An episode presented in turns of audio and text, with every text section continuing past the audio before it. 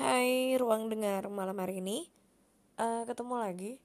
Jadi dari episode 1 sampai episode 8 Saya udah bahas tentang Proses pengobatannya suami saya Mulai dari kemoterapi Sampai di radiasi Nah untuk malam hari ini uh, Saya mau cerita dulu tentang uh, Pengalaman apa sih yang saya dapat Selama mendampingi suami saya uh, dalam masa penyembuhannya dari saat dia parah sampai akhirnya di masa penyembuhan.